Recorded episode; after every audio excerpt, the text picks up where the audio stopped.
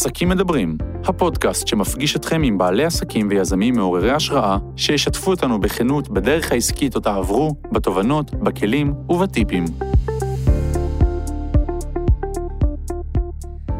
היי מאזינות ומאזינים, היום אני שמחה אה, להקליט פרק אחרי חודשיים שלא הקלטתי, ואני מארחת את נטע טסלר, הבעלים והמעצבת של נוטס סטודיו, נטע בת 37, אימא של אלה וגפן ובת זוג של איתמר. נטע בוגרת המחלקה לעיצוב טקסטיל בשנקר משנת 2013, ובעלת המותג נוטס סטודיו כבר עשר שנים. למי שלא מכיר, מדובר במותג של רהיטים ומוצרי טקסטיל לבית, שמצליח מאוד בעולם וגם בארץ. המותג זכה בפרסים ופורסם במגזינים רבים בעולם. אז היי נטע. היי. קודם כל, ברוכה הבאה, אני שמחה לארח אותך. תודה, כיף להיות פה.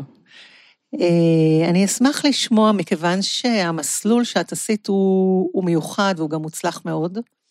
אני אשמח לשמוע בעצם איך התחלת את העסק שלך, איך בנית אותו. בהתחלה. Okay. אה, אז הכל התחיל מהפרויקט גמר בשנקר בשנת 2013. אה, שבעצם בשנה הזאת בפרויקט גמר חקרתי אה, קשרים מעולם הימאות. זה הגיע מתוך זיכרונות ילדות של הפלגות שלי עם סבא שלי ואבא שלי על סירה בחופי אשקלון בילדות שלי.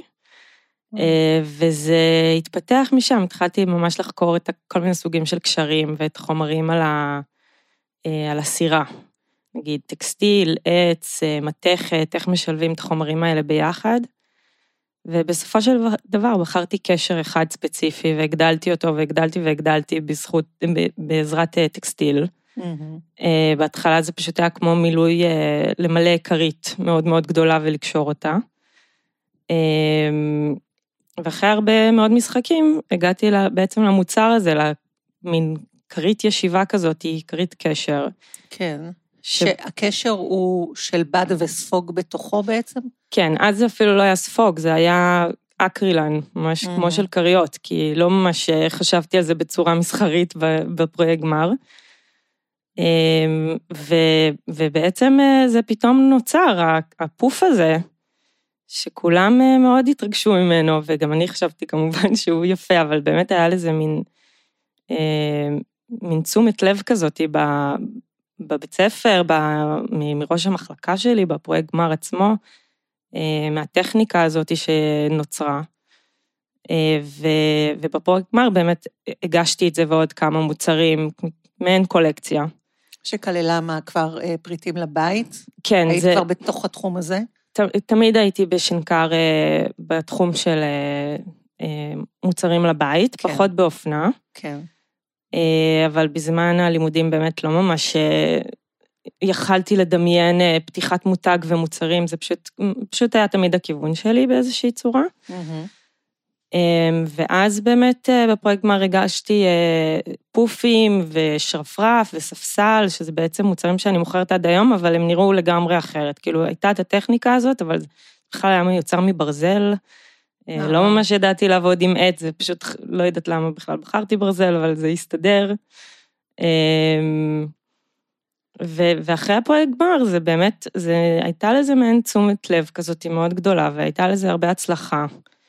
ופרסמו את הפרויקט בכל מיני עיתונים, מגזינים, שאולי חלקם עדיין לא, שכבר לא קיימים היום אה, בישראל. אמ, ואמרתי, אה, יאללה, זה, זה מה שאני רוצה לעשות. והתחלתי לפתח את זה לעומק, כאילו... לפתח את המוצר? או כבר לפתח את, את החשיבה העסקית ואת החלקים העסקיים? גם וגם. אוקיי, אז תסבירי על זה, כי כשסיימת את שנקר היית בת 27, אישה צעירה, והנה, עשר שנים אחרי, את בעלת עסק אה, מצליח מאוד, גדול, כן. נמצא ונוכח בעולם. אז, אז תסבירי רגע איך, איך זה קרה. אמ, זה קרה אמ, בעצם משני, כמו שני רבדים. אחד, אמ, מאוד עניין אותי לדעת, בעיצוב טקסטיל בשנקר אתה לא ממש, אז לא למדנו ממש לפתח מוצר. זה היה נורא אה, להתרכז בטקסטיל עצמו, ואני עשיתי משהו שהוא שונה. Mm-hmm. כאילו, כן פיתחתי בעצם מוצר, ופחות התרכזתי בממה הוא מיוצר Mm-hmm. הבד עצמו, אלא יותר במוצר שהוא הוא טקסטילי, כאילו עשוי מטקסטיל. ו... ו... ואני, מאוד עניין אותי להבין איך אני מייצרת מוצר שהוא, שאני יכולה למכור אותו, שהוא אמין, שהוא, שעם הזמן הוא לא ייהרס, שהחומרים שלו הם עמידים. אמ, וזה לקח לי בערך, אה, אני חושבת, שנה, אולי אפילו יותר, אולי שנתיים, כדי להגיע למוצר שהוא באמת באמת עשוי היטב, ושאני יודעת איך לייצר אותו. אני בכלל לא ידעתי, כאילו, מאיפה מביאים ספוגים? מאיפה כן. אני מביאה בדים? אה, מי יכול לייצר טבעות עץ מאוד ספציפיות? זה דברים ש...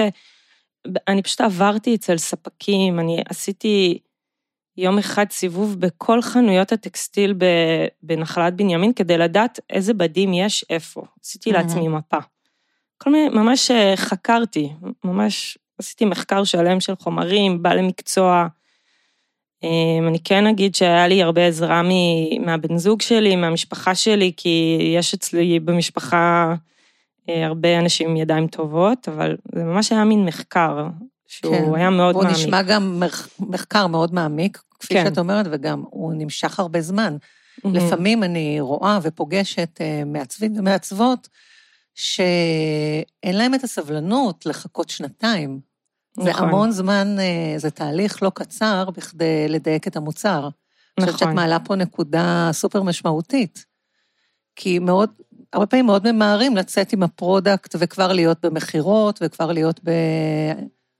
ופה את המתנת לצורך העניין לא מעט זמן, בהתחלה, תחילת אה, הדרך. נכון. אה, אני כן אגיד שבתקופה הזאת, בשנה, שנתיים, אני כן מכרתי דברים, אני, היה לי אה, קולקציה של תכשיטי טקסטיל שיצרתי Mhm. ומכרתי, ועשיתי כל מיני כריות, וכאילו כל הזמן הייתי בכזה מעין ייצור ומכירה, והשתתפתי בכל מיני דוכני מכירות וחנויות קטנות, כאילו... אוקיי. כן היה מין כזה תהליך של אה, יצירה ו... ומכירה, אוקיי. וגם אני מכרתי חלק מהמוצ... מהפופים האלה, אבל פשוט הם היו באיכות פחות טובה, אבל אה, אבל כן מכרתי המשך- אותם, אבל המשכת המשכתי. עם, ה, עם המחקר, לא ויתרת, התעמקת מאוד. כל, כל הזמן התעמקתי בזה וגם כל הזמן שיפרתי. אוקיי. אז אה, once הגעת למוצר טוב, אחרי פרק זמן של בין שנה לשנתיים, איך הצלחת בעצם אה, לפרוץ לעולם? זו שאלת השאלות. אז, אז בעצם בשנה, שנתיים האלה, לא רק אה, אה, פיתחתי את המוצרים, אלא גם אה, ממש אה, הייתי כמו ספוג כזה, שכאילו Mm. כל הזמן רוצה ללמוד, אבל בטירוף, כאילו במוטיבציה מטורפת, גם לא היה לי ילדים, היה לי המון זמן פנוי. זה היה, זה היה אה, זמנים ממש אחרים. אה, אני ממש רציתי לדעת איך עושים את זה, כאילו ממש מרמת ה... אה, איך לצלם את המוצר בדרך הטובה ביותר, איך לפתוח אתר אינטרנט, איך לשלוח את זה לחו"ל, כאילו, אני כל הזמן חיפשתי אה, תשובות. ופניתי אה, בזמנו ל, לקרן שמש ולמעוף, ופשוט חיפשתי כל מי שיכול לעזור לי. זאת ממש, אומרת, אה, רצית להיעזר, רצית לקבל מידע מיועצים. רציתי ללמוד אה, הכל. קורסים, עשית גם, הכל. אני מבינה, קורסים בצילום, בקידום. עשיתי כמעט כל קורס אפשרי שקיים, מרמת הפתיחת עסק וראיית חשבון, אה, איך לפתוח חנות אצי, שילוחים לחו"ל, היה לי יועץ מעמותת מעוף, שהוא בא אליי הביתה כמה פעמים, וביחד חשבנו איך אני שולחת את הדברים האלה לחו"ל, איזה חברת שילוח, אה, איזה חשבונית אני צריכה, ואיך אני עושה את זה, ו... איך אני בונה קטלוג, ואני פשוט במשך איזה שנתיים למדתי, כן. ממש למדתי, עד לרמה שהייתי נפגשת עם יועצים אחרי בערך שנתיים, שלוש, ומבינה שאני כבר יודעת יותר טוב מה אני רוצה. וואו. ובתקופה וואו. הזאת אמרתי, טוב, אני לא רוצה יותר, אני לא צריכה את היועצים האלה יותר, אני הבנתי כל מה שאני יכולה לדעת, ומפה אני מתקדמת הלאה, בדרך אני שלי. חושבת שמה שמיוחד אצלך, הרי אני עובדת עם הרבה אה, עסקים. אז אחד הדברים שמייחדים עכשיו את כל מה שאת דיברת, זה שגם יש בך סקרנות תהומית, אדירה, ענקית, ללמוד, להתפתח, וגם אמונה עצמית, שאת יכולה ללמוד הכל. לפעמים אני רואה אה, אמונה שיושבת ככה עמוק בתוכו, שאני לא יכולה ללמוד את mm. כל התחומים. אין סיכוי שאני אדע איך לקדם אה, קידום ממומן, אין סיכוי שאני אדע ואבין במספרים, וכולי וכולי וכולי, כל מיני אמונות. זה נשמע כאילו את בת טבולה ראסה, דף חלק. אני יכולה ללמוד הכל, מסוגלת ללמוד הכל. אז זה, זה יפה, זה מדהים שאת אומרת את זה, כי בתיכון למשל, אה, לא הייתי תלמידה טובה. Mm-hmm. כאילו, הייתי טובה רק באומנות ובספרות. ובכל שאר המקצועות לא הייתי טובה, והם גם לא עניינו אותי. אוקיי. Okay. אמ, ואני חושבת שפשוט, אמ, בגלל שהייתה לי מוטיבציה ממש ממש גבוהה, ובאמת זה מעניין אותי. כאילו, כל התחומים האלה מעניינים אותי. יש אנשים שבאמת רק העיצוב מעניין אותם, ויש כאלה שאולי רק הפן העסקי. אבל אצלי, עד היום, ממש אני מתעניינת בכל פיתוח חדש שקורה, בכל... Uh, נגיד קידום ממומן בפייסבוק ובאינסטגרם, אני למדתי את זה בסופו של דבר לבד. עשיתי קורס בפייסבוק, כי זה באמת מעניין אותי. אה, גוגל אנליטיקס 4 החדש. אז, אז מה יש לך אה, להגיד, נגיד, אותי. למעצבים ומעצבות, שזה ממש לא תחומים שמעניינים אותם? אם זה תחום שלא מעניין אתכם, ואתם מרגישים שאתם צריכים את זה, תשלמו כסף למישהו שהוא טוב בזה. אוקיי. ואל אוקיי. תעשו את זה בעצמכם. אבל אולי אם אה, בכל אופן נפתחים ללמידה ומאמינים שאפשר ומרחיבים את התודעה ואת היריעה, אז אפשר גם לנהל ספק חיצוני בצורה יותר מקצועית. נכון.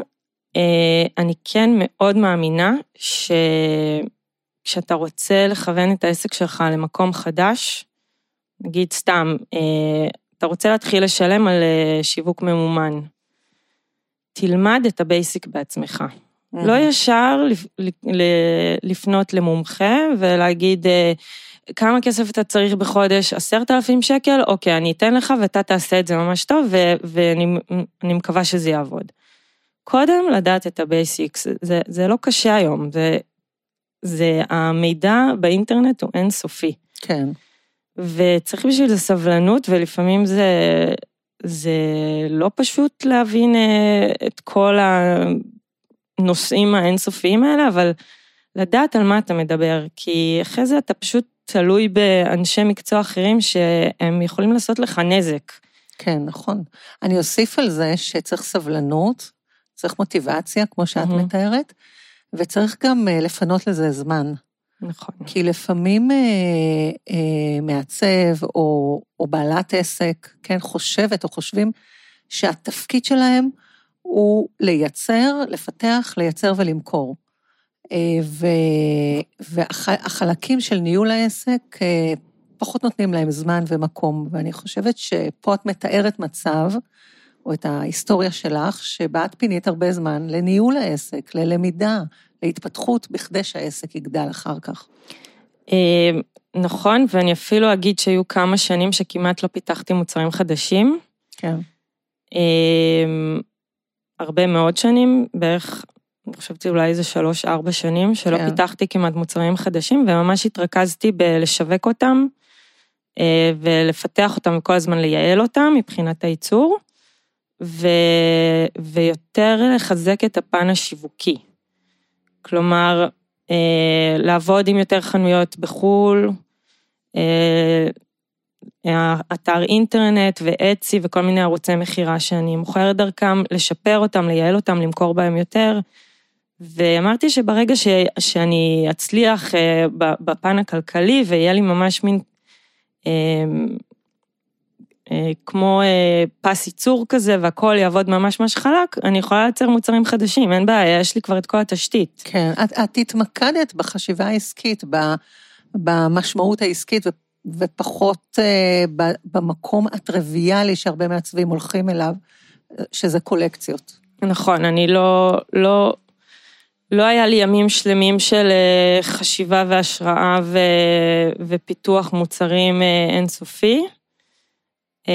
היו כל מיני דברים קטנים שכמובן עשיתי ופיתחתי וזה, אבל בגדול היה לי כמה שנים טובות של פיתוח העסק, ממש. כן. אז לפני שאנחנו נדבר על האתגרים שיש, כמו שיש בכל עסק, בואו נדבר רגע על הדברים שאת גאה בהם. במה את בעצם גאה אה, בעשייה שלך בתוך אה, נוט סטודיו? אה, אוקיי, אה, במה אני גאה? אני הרבה שנים, אה, כאילו, בעיקר המשפחה שלי כזה אומרים לי שאני נורא אדישה, כזה, אה, מכרתי ליוטיוב וכזה, אני כזה, אוקיי, בסדר, נחמד. כאילו, לא מתרגשת, ודווקא בשנה האחרונה, אני, יש לי מין כזה הערכה מחדש לעסק שלי. אמ, אז אני, בכללי אני מאוד גאה בכל ה... בכל המערך הזה, שבעצם כן הצלחתי להוציא את הסטודיו הזה ואת כל המוצרים לחו"ל, והוא, באמת המוצרים שלי הם, הם מוכרים בהרבה מאוד אה, מקומות. אה, ו- וגם באמת עשיתי פרויקטים משמעותיים עם אה, חברות מאוד גדולות, עם BMW בברלין, וואו. עם יוטיוב בקליפורניה, עם קונדנסט בניו יורק, שזו חברת הוצאה לאור הכי גדולה בערך בניו יורק ומאוד נחשבת. אה, ויש עוד כל מיני פרויקטים ממש ממש גדולים של אה, עיצוב פנים, בתי מלון, אה, הילטון. אה, הרבה פרויקטים שהם מאוד נחשבים, שלפעמים כזה שולחים לי ושולחים לי אה, מיילים ו... חושבים שזה מעין איזה סטודיו ענקי כזה, ששואלים אותי, מי, מי אחראי על נושא הפרויקטים אה, ספציפית של משהו מאוד ספציפי. זה כזה, אני. או, או עד, לא, עד ממש עכשיו היה לי גם אה, מנהל סטודיו שממש אה, בשבועות האחרון, האחרונים עזב, אבל נגיד, המנהל סטודיו, אבל כאילו חושבים שזה איזה מין... סטודיו ענק, ענקי, מפעל כן. עצום, וזה בעצם, את יודעת, כמה עובדים בסטודיו קטן ביפו, אז אה, כן, באמת. מרשים. אז אה, רגע, בואי נגלוש לשיווק, ואחרי כן נגיע לאתגרים שחשוב שגם ישמעו שיש אתגרים אה, ממש יומיומיים. כן. אז רגע לגבי השיווק, זה לא טריוויאלי להגיע ל-BMW בברלין ולמקומות כל כך גדולים בניו יורק וכולי וכולי. אז תתארי טיפה את התהליך השיווקי שבנית, ואיך הצלחת להגיע. אמ, אני חושבת שבשביל לשווק לחו"ל, באמת הדבר הכי חשוב, אמ, שהנראות של המותג תיראה אמינה. כלומר, מהמם. אם מישהו נכנס לאתר שלי, אז הוא מאמין לי. הוא מאמין למותג הזה. איך את מייצרת את האמון הזה? דבר ראשון, באמת, התמונות צריכות להיראות מושלמות. את משקיעה בצלם מקצועי או צלמת ש... תמיד. וגם אוקיי. היו שנים שעשינו פרויקטים מטורפים של צילומים בים המלח וצילומים ב... עם רקדני בת שבע וכל מיני פרויקטים אה, מטורפים שעשינו. אה, עם השנים הבנתי שה... שהצילומי בית הם המוכרים ביותר ולא צריך להשתגע, אבל באמת אה, תמיד צלם מקצועי, אם מצלמים בסביבה, אז שהסביבה תהיה נכונה למותג. נגיד מהמם. אצלי ספציפית אה, בתים שנראים בצורה מסוימת, אה, זה בעצם מה שהלקוח, אה, הוא צריך לדמיין בסוף איך המוצר יושב לו בבית. אמ, ו, ושהאתר עצמו ייראה אה, ברור, כלומר, מה כתוב על, ה, על המוצר, האם התמחור הוא הגיוני למוצר הזה, reviews, אה, אם יש אה, אה, מגזינים ש, שפרסם, שהתפרסמת בהם בחו"ל, אז, אז להעלות את זה, כאילו שהלקוח הוא יבין שזה מותג לגיטימי, ש, שאפשר אפשר להזמין ממנו, עליו, אפשר כן. לסמוך עליו. כן. וגם... את כמו- יזמת, אגב, גם כתבות יזומות, או שזה הכל הגיע אלייך באופן אורגני? את האמת, בתחילת הדרך. כמעט ולא. אמ, אני חושבת שמעולם לא שילמתי על כתבה, מהמם. אם אני לא טועה. אה, בתחילת הדרך באמת פנו אליי המון המון המון, גם השתתפתי בתערוכות בחו"ל, שזה גם אה, הביא המון המון פרסום בתקופה ההיא, לפני כמה שנים טובות כבר. אה, אז כמעט באמת שלא, שלא שילמתי על, אה, על פרסום, אבל תמיד כשפנו אליי, תמיד כבר היה לי אה, את התמונות הכי טובות שאפשר אה, לשלוח, ש, שברור שירצו לפרסם אותן, כי הן באמת ממש ממש יפות, הן ממש כן. כן. קופצות בעין. אה, וגם אה, כבר רשום מראש את, ה, את כל המידע על המותג, כאילו, הכל כתוב באנגלית רהוטה וברורה. נעזרת אה, במישהו שדובר אנגלית, פעם, במתרגם פעם מקצועי? נעזרתי, כן, היום כבר האנגלית שלי מספיק טובה, אבל, אוקיי. וגם לפעמים אני נעזרת כמובן, אבל כן. אה, ברור, הייתי כמעט כל, אחי הגדול הוא דובר אנגלית, כי הוא חי הרבה שנים בארצות הברית, וכל מייל הייתי שולחת לו לפני זה כן. לבדיקה. אז ציינת ככה, כששאלתי אותך לגבי השיווק, אז ציינת אתר שהוא אמין, שהצילומים אה, מדויקים, בלוקיישנים הנכונים, אה, ציינת מידע, reviews, מה עוד? מה עוד עזר לך בשיווק? אה, בשיווק, אה, עוד דברים שעזרו לי זה פנייה. לעשות את הצעד הראשון. כלומר, אה, בתחילת הדרך מאוד מאוד רציתי לעבוד עם חנויות בחו"ל. למרות שלא ממש הבנתי מה זה אומר מבחינה סיטונאית, איך לתמחר את המוצר, עשיתי הרבה טעויות בהתחלה של תמחור כמובן, אבל רציתי לעבוד עם חנויות בחו"ל. אוקיי. אז, אה, אז בניתי קטלוג, זה היה בתקופה שהיה לי את היועץ שעזר לי, שהסביר לי בכלל מה זה מחיר סיטונאי, מה זה מחיר הצרכן, באנגלית, איך זה עובד. אה, והיה לי אה, קטלוג שיצרתי, ופשוט התחלתי לשלוח מיילים לכל מיני חנויות איך, בחו"ל. איך הגעת לחנויות? דרך האינסטגרם? אה, לא, כי לפני עשר שנים לא. או שמונה שנים זה אפילו לא היה כזה מפותח. אז איך? עכשיו אני, עכשיו אני כן פונה לפעמים לחנויות אה, דרך האינסטגרם, אבל אוקיי. אז, אמ, דבר ראשון, כל פעם שהייתי בחו"ל, אז הסתכלתי לראות איזה חנויות עיצוב, כאילו יש, אני ביקרתי בעצמי ואני, והיו נראות לי מתאימות למוצר, למוצרים שלי. כן. אז פשוט כאילו, לא הייתי פונה באופן ישיר בחנות, אמ, אבל הייתי שולחת מייל שהייתי חוזרת הביתה. אה, או פשוט מחפשת באינטרנט, מחפשת... אמ, לא, אני לא, אפילו לא ממש זוכרת איך הייתי מגיעה, אבל פשוט הייתי מחפשת ואם באינטרנט היום חנויות את עיצוב. צריכה להגיע, זה דרך האינסטגרם.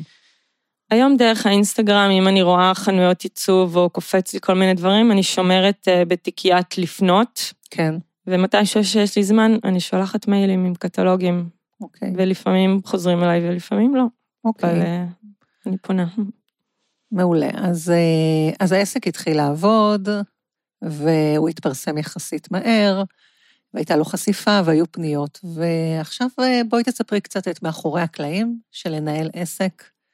מה המשמעויות של זה, איפה היו אתגרים, איפה היו קשיים, מה מתסכל אותך. אה, אוקיי, לנהל עסק זה, זה טייטל שונה לגמרי מלהיות מעצבת, וכל מי שמעוניין באמת להיות בעל עסק שהוא, שהוא יותר מ- מאתה עצמך העסק, אה, זה דורש אה, הרבה מאוד כוחות נפשיים, בעיקר בישראל. אה, זה דורש, אה, זה כמו עוד ילד, עסק. כן, וגם לבן זוג שלי יש עסק, אז כאילו מבחינתנו יש לנו ארבעה ילדים ולא שניים, כי עסק זה 24 שעות.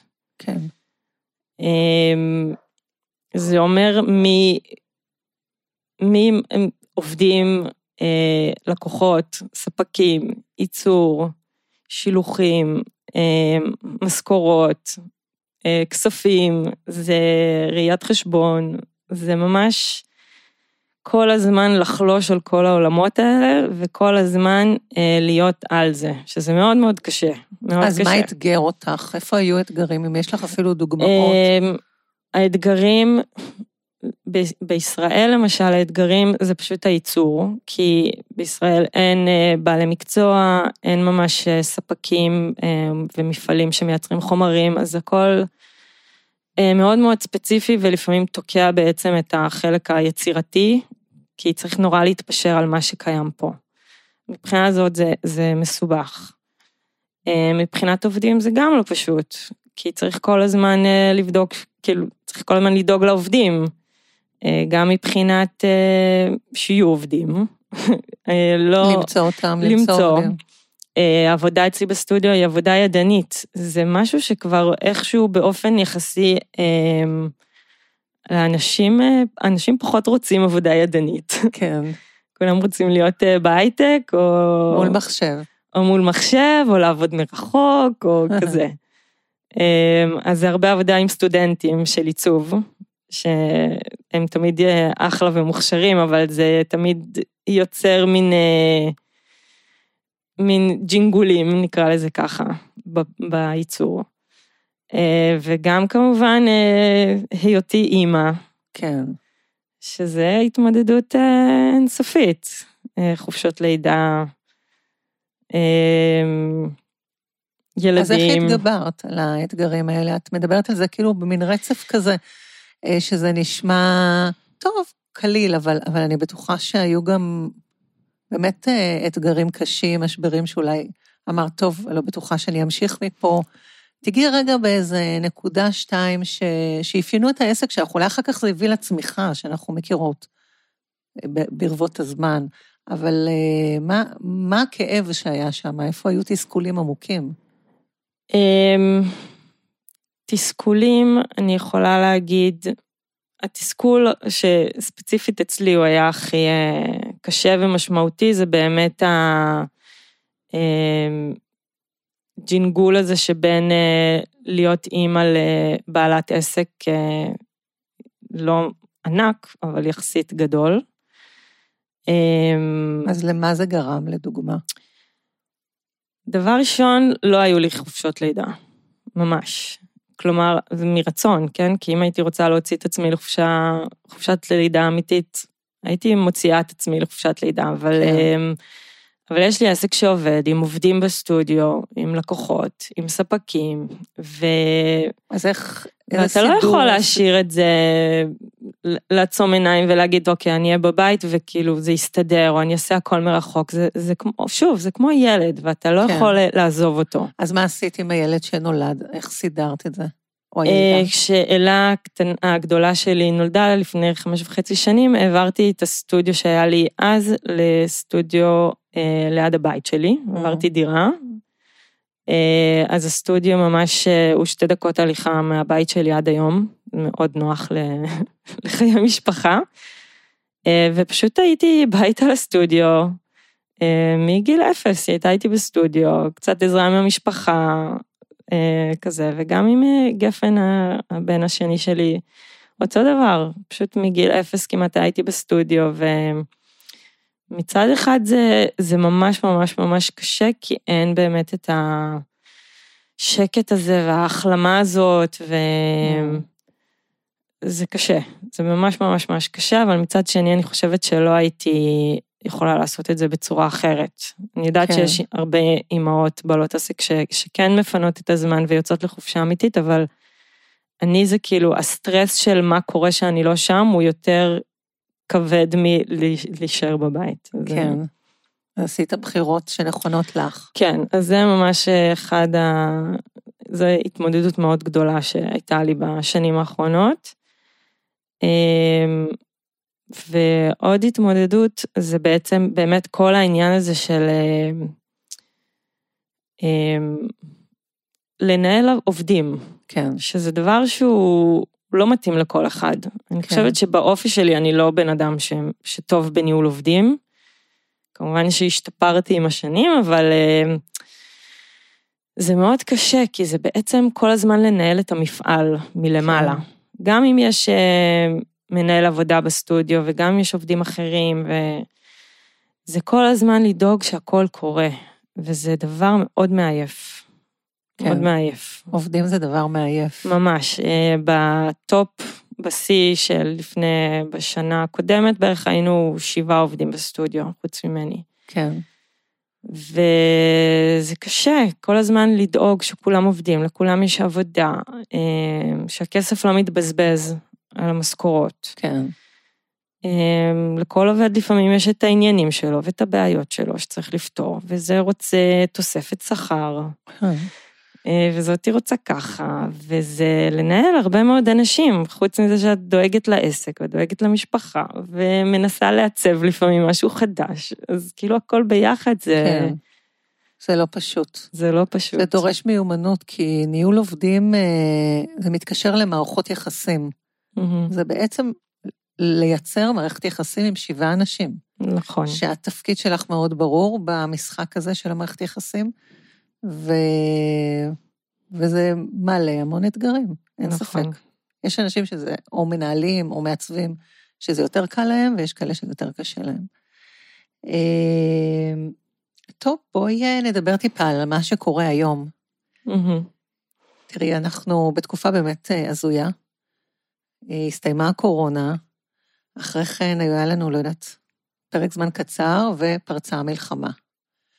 אה, לפני כן היה כמובן גם את ההפיכה המשטרית והפגנות וגם דברים שהשפיעו על הכלכלה, ועכשיו המלחמה האיומה הזו שהיא גדולה ומשמעותית, אה, והיא מכווצת את הלב לכולנו. ורציתי לשאול איך, אה, איך זה בא לידי ביטוי אצלך, ברמה האישית וגם ברמה העסקית. אמ, אז כמובן שברמה האישית אנחנו חיים בתקופה שהיא קטסטרופה, אין אה, דרך אחרת אה, כן. להגדיר את זה. אה, תקופה מאוד מאוד קשה, מפחידה, מזעזעת, באמת, אין, אה, אין דרך אחרת לקרוא לזה. ברמה העסקית, יש לי נטייה לא, לא להיכנס לסערה כן. ברמה העסקית. יש לך יכולת, אני קוראת לזה יכולת אה, ולא רק נטייה, יש לך כן. יכולת לבצע הפרדות. נכון. אמ, ואני פשוט אמ, כאילו כמו אה, זורקת עוגן אה, בתוך הסטודיו, וכאילו אמ, מנסה איכשהו קצת אה, להתנתק מכל מה שקורה, ו- ופשוט לחשוב מה הצעדים שלי הלאה. אמ, זה, זה בא מתוך איזושהי הישרדות בחוויה שלך, או... כן, זה, כן. זה בא מתוך הישרדות, זה גם משהו שברמה האישית אני, אני מתמודדת ככה עם דברים הרבה פעמים, אני כאילו קצת מנסה אה, לנתק את כל מה שקורה מסביב, וכזה ממש לחשוב, אוקיי, מה אחת, שתיים, שלוש אני אעשה עכשיו, כדי שזה ייתן לי איזושהי התקדמות לכיוון איזה דרך. כן, כאילו, לראות איזה מין, המשך, איך, איך חוצבים פה דרך בתוך כן. בדיוק. הכאוס הזה. איך אני חוצבת עכשיו את אנחנו מאוד הדרך. דומות בזה, אגב.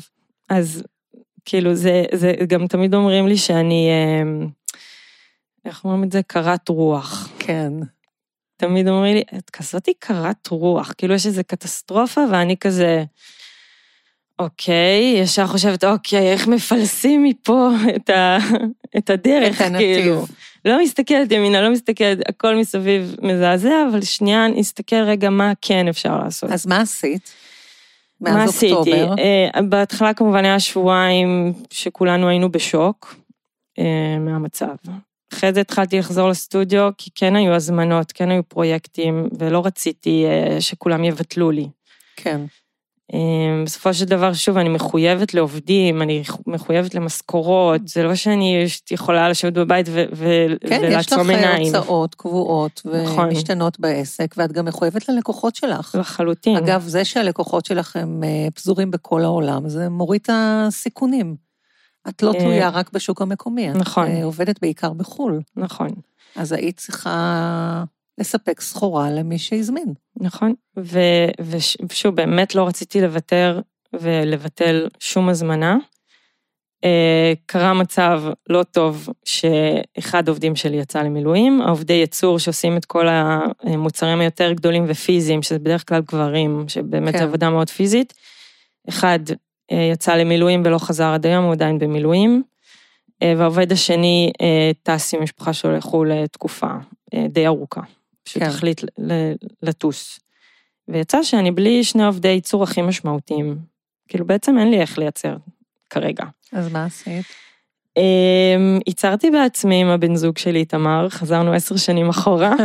אמרתי לו, יש רפרפים ופופים והם לא פה, ומה נעשה? אז הוא אמר לי, בסדר, בואי, הוא סגר את המסעדה שלו בשבועיים ומשהו האלה. אמר לי, בסדר, בואי נלך לסטודיו ונתחיל לייצר. אז אשכרה עשינו דברים, ייצרנו כמו לפני עשר שנים, שהוא היה עוזר לי לייצר את המוצרים על הרצפה בדירה שלנו מדהים. במרכז תל אביב לפני עשר שנים. חזרנו בזמן, איזה שבועיים אה, ייצרנו כל מה שאפשר בעצמנו, אחרי זה חלק מהעובדות כבר חזרו לעבוד, וחלק, מצאתי כבר עובדים חדשים לייצור בינתיים, ואיכשהו כזה החזרתי את, ה, את הנשימה לעסק. וגם אני חושבת שהייתה לך פעילות יפה בסופו של דבר מחו"ל, מקהילות יהודיות, לא? נכון, גם מ... מ... בעיקר בתקופה, באוקטובר, אה, בעיקר מקהילות קהילות בחו"ל, וגם בעלי חנויות שאני עובדת איתם, בעיקר בארצות הברית, יש לא מעט בעלי חנויות שהם יהודים. והם פשוט אה, עשו מין גיוס, והכניסו לי מלא הזמנות. וואו. דרך החנות, אה, ברמה שכאילו כבר קצת נבהלתי, ואמרתי, וואי, וואי, וואי, איך, איך בכלל נייצר את זה, חצי מהסטודיו לא פה. והם אמרו, בסדר, מתי שאת, כאילו, תשלחי כשתשלחי. והמשלוחים עבדו כרגיל, והשילוחים היו בסדר? משלוחים זה דבר שהוא, למזלי, גם בקורונה, זה דבר שהוא, שתמיד עובד. כן. עם מי את עובדת, אגב? אני שולחת uh, עם EMS, EMS, של דואר ישראל. כן. Uh, זה בעצם החברת שילוח היחידה שאני יכולה לעבוד איתה בישראל, מבחינת נפחים ומשקלים. כן. אין לי שום אופציה אחרת לעבוד עם מישהו אחר.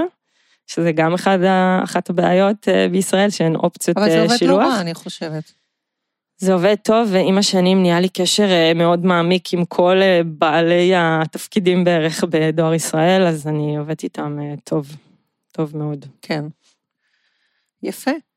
אז סך הכל, אחרי השוק הראשוני, העסק חזר לעבוד ולתפקד כרגיל, אפשר להגיד מבחינת הנפחים, מבחינת ההזמנות, מבחינת הפעילות הכלכלית. נכון, ואפילו אפשר להגיד אה, משהו שקצת, שהוא חיובי, שיצא מהתקופה הזאת, זה שעשיתי לעסק אה, דיאטה. Mm-hmm. חלבונים, דיאטת חלבונים. פחמימות וחלבונים. אמ, אני חושבת שעסק שעובד יחסית הרבה זמן, הרבה שנים, הוא משמין. כן. משמין ומשמין ומשמין מבחינת אה, אה, אה, אפילו מוצרים אה, שאתה מוכר והם פחות רווחיים, מבחינת אולי אה, ספקים שאתה כבר רגיל לעבוד איתם ואתה משלם להם כסף אה, יחסית, אה, נגיד, אתה משלם להם אה, יחסית הרבה כסף. אה, עובדים, שהמשכורות שלהם מאוד גבוהות, כי הם פשוט עובדים הרבה זמן והם דורשים. כן. כאילו לפני המלחמה, הגעתי למצב שבאמת אה, אני מוציאה המון המון כסף בעסק. המון. כן.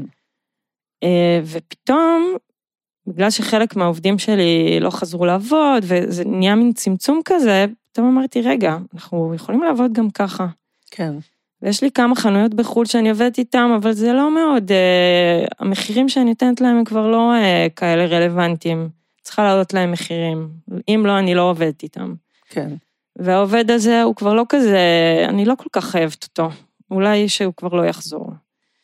ו, ופתאום אני, העסק אה, עובד בצורה הרבה יותר יעילה. כן. כלומר, בכל משבר כזה שמביא גם עצירה, mm-hmm. יש אפשרות לחשוב מחדש ולהתבונן על כל דבר ולבחון אותו. נכון. אגב, לא רק בעסקים, גם במישור האישי, גם בחיים, גם... נכון, אתה פתאום את... שם לב מה, מה אתה צריך ומה אתה לא חייב. ועל מה אפשר לוותר ומה זה שומנים מיותרים אה, בעסק. Mm-hmm. נכון, okay? אז זה בדיוק היה זה. כן, יפה. אז uh, תודה על כל השיתוף הזה, באמת uh, מעניין מאוד, אני בטוחה שהמאזינים שלנו יתרמו מאוד מכל מה ששיתפת, ואני מעבירה אלייך את המיקרופון, את יכולה לשאול אותי שאלה אם את רוצה. אז יש לי שאלה כללית, אבל מאוד מאוד מאוד חשובה. כן. האם את אופטימית? באופן כללי או ברמה העסקית? ברמה העסקית וגם באופן כללי. כן. אוקיי, אז תראי, אני אגיד ככה, אנחנו נמצאים בתקופה באמת קשה. אה, אנחנו מקליטות כאן את ההקלטה הזו בסוף דצמבר, שאנחנו עדיין, אה, לצערי, ולצער של כולנו, כן, קוברים מדי יום את מיטב בנינו ובנותינו, וקורים אה, לנו בתודעה הקולקטיבית אירועים מאוד מאוד קשים, ששוברים את הלב, שמורידים ודוחסים למטה את האמונה ואת ה... ובטח את האופטימיות. אז אני לא יכולה בתשובה שלי להתעלם מהמצב, אני גם מושפעת מהמצב, אני אגיד ברמה האישית, שהילדים שלי הם בגילאים בדיוק של השכבת גיל הזו, שנלחמת, ו... והבן שלי חייל, והם לצערי היו גם בלוויות, והם מכירים גם פצועים, ואני חווה, אנחנו כמשפחה חווים את המלחמה הזו גם אה, בפנים. אמנם לא במעגל הקרוב, למזלנו, אבל עדיין אה, חווים את זה, זה לא רחוק מאיתנו, זה מתקיים ממש בשיח היומיומי. וברמה האישית אני גם אוסיף שהמלחמה הזו הגיעה אחרי תקופה שבלאו הכי אני חוויתי כאן אה, איזשהו משבר אמון mm-hmm. ב... באיך שהמדינה מתנהלת, בהנהגה, בשיטת אה, ניהול של המדינה, ו-on top of that הגיעה המלחמה, שגם שם יש משבר מאוד גדול. ויחד עם כל זה, כן. ומתוך כל הכאב הזה, אני אגיד שאני אני אופטימית. אקרא לזה אופטימיות זהירה, אוקיי? Mm-hmm. אבל אני אופטימית, כי אני גם קורצתי מחומר כזה, שאני אופטימיסטית מטבעי, ואני יודעת, גם בימים קשים אלו, שיגיע רגע שהמלחמה הזאת תהיה מאחורינו, ויגיע הרגע שאנחנו נעשה שינויים משמעותיים כן. אה, לכיוונים שאנחנו רוצים. ו... ומה שנותן לי עוד תקווה זה העובדה שהעסקים, לפחות שאני מלווה, וזה לא מעט עסקים, עובדים מאוד יפה בחודשיים, שלושה האחרונים אה, מאז פרוץ המלחמה. כלומר, הקהל, הלקוחות, החברה מביעה אמון אה, בעסקים שאני עובדת איתם, בין אם מדובר בעסקים של מעצבים ומעצבות, או נותני שירותים בתחום עיצוב הפנים, אדריכלים, אה, מקצועות הטיפול, מקצועות האימון, הכל עובד. Mm-hmm. אפילו עובד ממש טוב. אז אה, זה נותן לי תקווה, ואני יכולה להגיד שאני יודעת, זה לא רק תקווה, אני יודעת שיש לנו כוח הישרדות מטורף. נכון. ויש בנו נחישות שאין כמותה. ואנחנו גם אה, יודעים להדחיק ולשכוח מהר. אני חושבת שאנחנו נצא מזה. זה כיף לשמוע שאת אופטימית. אני די בטוחה. אה, זה ייקח זמן, ואנחנו נצא מזה. אז, אה, ואני אסיים עם האמונה הבסיסית שאנחנו נצא מזה לא על ידי כוח עליון, אנחנו mm-hmm. נצא מזה באמצעותנו. זאת אומרת, לכל אחד מאיתנו, בטח אנחנו, אה, בעלי העסקים, יש תפקיד. זה mm-hmm. לא יקרה לבד, זה יקרה מתוך הרצון שלנו, הכוח והאמונה שלנו והעשייה היומיומית לכיוון אה, יותר חיובי ויותר אופטימי. זה יקרה מתוך זה שלא נעצור ולא נהיה בשיתוק או בייאוש, אלא באמת מתוך עשייה, מתוך גם מחווה אחד mm-hmm. לשני, אה, רכישה וצריכה של מוצרים מקומיים, אה, וביחד זה יקרה. זה פשוט יקרה. אני גם חושבת, אני מאמינה. יופי, אז אה, אני אגיד לך תודה, נטע. תודה שהזמנת אותי, היה לי כיף. גם לי, שיחה מאוד מעניינת, אני בטוחה שיש פה מידע מדהים לכל, לכל כך הרבה בעלי ובעלות עסקים. אז תודה שהגעת. תודה רבה, טלי.